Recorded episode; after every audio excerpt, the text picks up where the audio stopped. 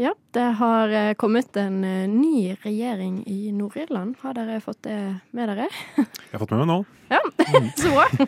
Ja, det kommer kanskje litt i skyggen av uh, ulike ting. Det skjedde jo f- eh, i januar, tror jeg. Så det er jo litt uh, Det er ikke, det er ikke da nødvendigvis utdatert og gammelt, for nå er den regjeringen på plass. Eh, I Nord-Irland så hadde man, om ikke jeg tar feil, nå en to uh, Altså før dette, en periode i to år hvor eh, mm, man ikke har hatt noe flertall for en koalisjon der, der, eller der, og, og dermed har hatt en, en slags sånn eh, eh, stedfortrederregjering i det britiske parlamentet, eller liksom Ja. i, i London. I. London. Og det er en utrolig interessant dimensjon for Nord-Irland, som da er en del av eh, eh, det forente kongeriket Storbritannia og Nord-Irland, eh, men som henger da på Irland, øya Irland, og grenser til republikken Irland i, i, i sør. Det er jo kjempespennende. Der har du jo også eh, eh, Vi har pratet mye om eh, krig og konflikt denne sendingen. Eh, The Troubles kommer da sterkt frem. Eh, som da eh, tiden, epoken som ligger bak oss, da, men hvor det var mye spenninger.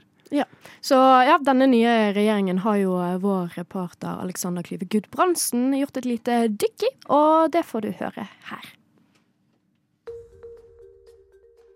Det kalles et historisk øyeblikk og et politisk jordskjelv. Noen ser det som en mulig begynnelse på en gjenforening av Irland. Nord-Irland, som de siste drøye 100 årene har vært atskilt fra republikken Irland som en del av Storbritannia, har nettopp fått sin første irske nasjonalistiske leder. Michelle O'Neill fra partiet Sinn Féin har nemlig blitt statsminister, eller førsteminister, som det kalles i Nord-Irland. Den viktigste saken til Sinn Féin er forening av Nord-Irland og republikken Irland. Sinn Féin har historisk blitt betrakta som den politiske fløyen til IRA, den irske republikanske hær. Fram til langfredagsavtalen ble underskrevet i 1998, utførte IRA en lang rekke terrorhandlinger mot britiske mål. Valget av O'Neill som førsteminister kommer etter at det nordirske parlamentet, Carl Stormont, nylig trådte sammen igjen etter å ha vært ute av drift i to år. Michelle O'Neills parti vant retten til førsteministerembetet ved sist valg i mai 2022. Når eh, Sinn Fein likevel ikke har fått noen førsteminister før nå, skyldes det at partiet DUP, som er et unionistisk og lojalistisk parti som ønsker å beholde unionen med Storbritannia, har boikotta maktdelingsordningen og lokalstyret de siste to årene. Maktdelingsordningen som følge av langfredagsavtalen innebærer at det største partiet skal ha førsteministeren, mens opposisjonen skal ha viseførsteministeren. Disse to embetene er imidlertid så å si likeverdige. Langfredagsavtalen, som også er kjent som Belfast-avtalen, avslutta tre tiår med væpna konflikt i Nord-Irland.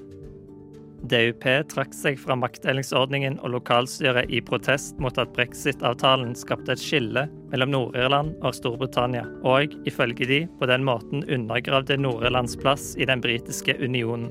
DUP inngikk nylig en avtale med den britiske regjeringen for å løse situasjonen. Partiet vendte så tilbake til lokalstyret. Partiet opplyste i slutten av januar om at de var blitt enige med den britiske regjeringen om hvordan handelsreglene etter brexit skal håndteres.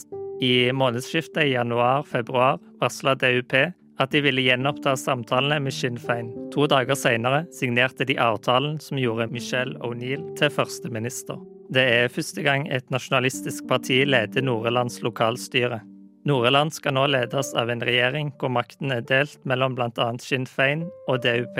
I en kommentar hos den irske statskringkasteren RTE kalles den nye politiske avtalen for et politisk jordskjelv. Michelle O'Neill har uttalt at hun vil være en førsteminister for alle. Den britiske statsministeren Rishi Sunak og Tesher, dvs. Si Irlands statsminister Leo Varadkar, besøkte det nordirske parlamentet 5. februar for å markere at parlamentet og maktdelingsordningen var operative igjen. Ifølge BBC beskrev Varadkar det som et veldig godt møte, og eh, Sunak uttalte at den nye avtalen beskytter Nord-Irlands plass i unionen. Varadkar uttalte òg at det at det nordirske parlamentet er i drift igjen, viser at langfredagsavtalen fungerer. I 2025 blir det valg i republikken Irland. Hvis Sinn Fein får statsministeren i Irland, kan de da ha statsministeren i både Irland og Nord-Irland samtidig. Da spekuleres det på om det kan komme en folkeavstemning om gjenforening av Irland. Hva framtida vil bringe for Nord-Irland, er fortsatt et åpent spørsmål.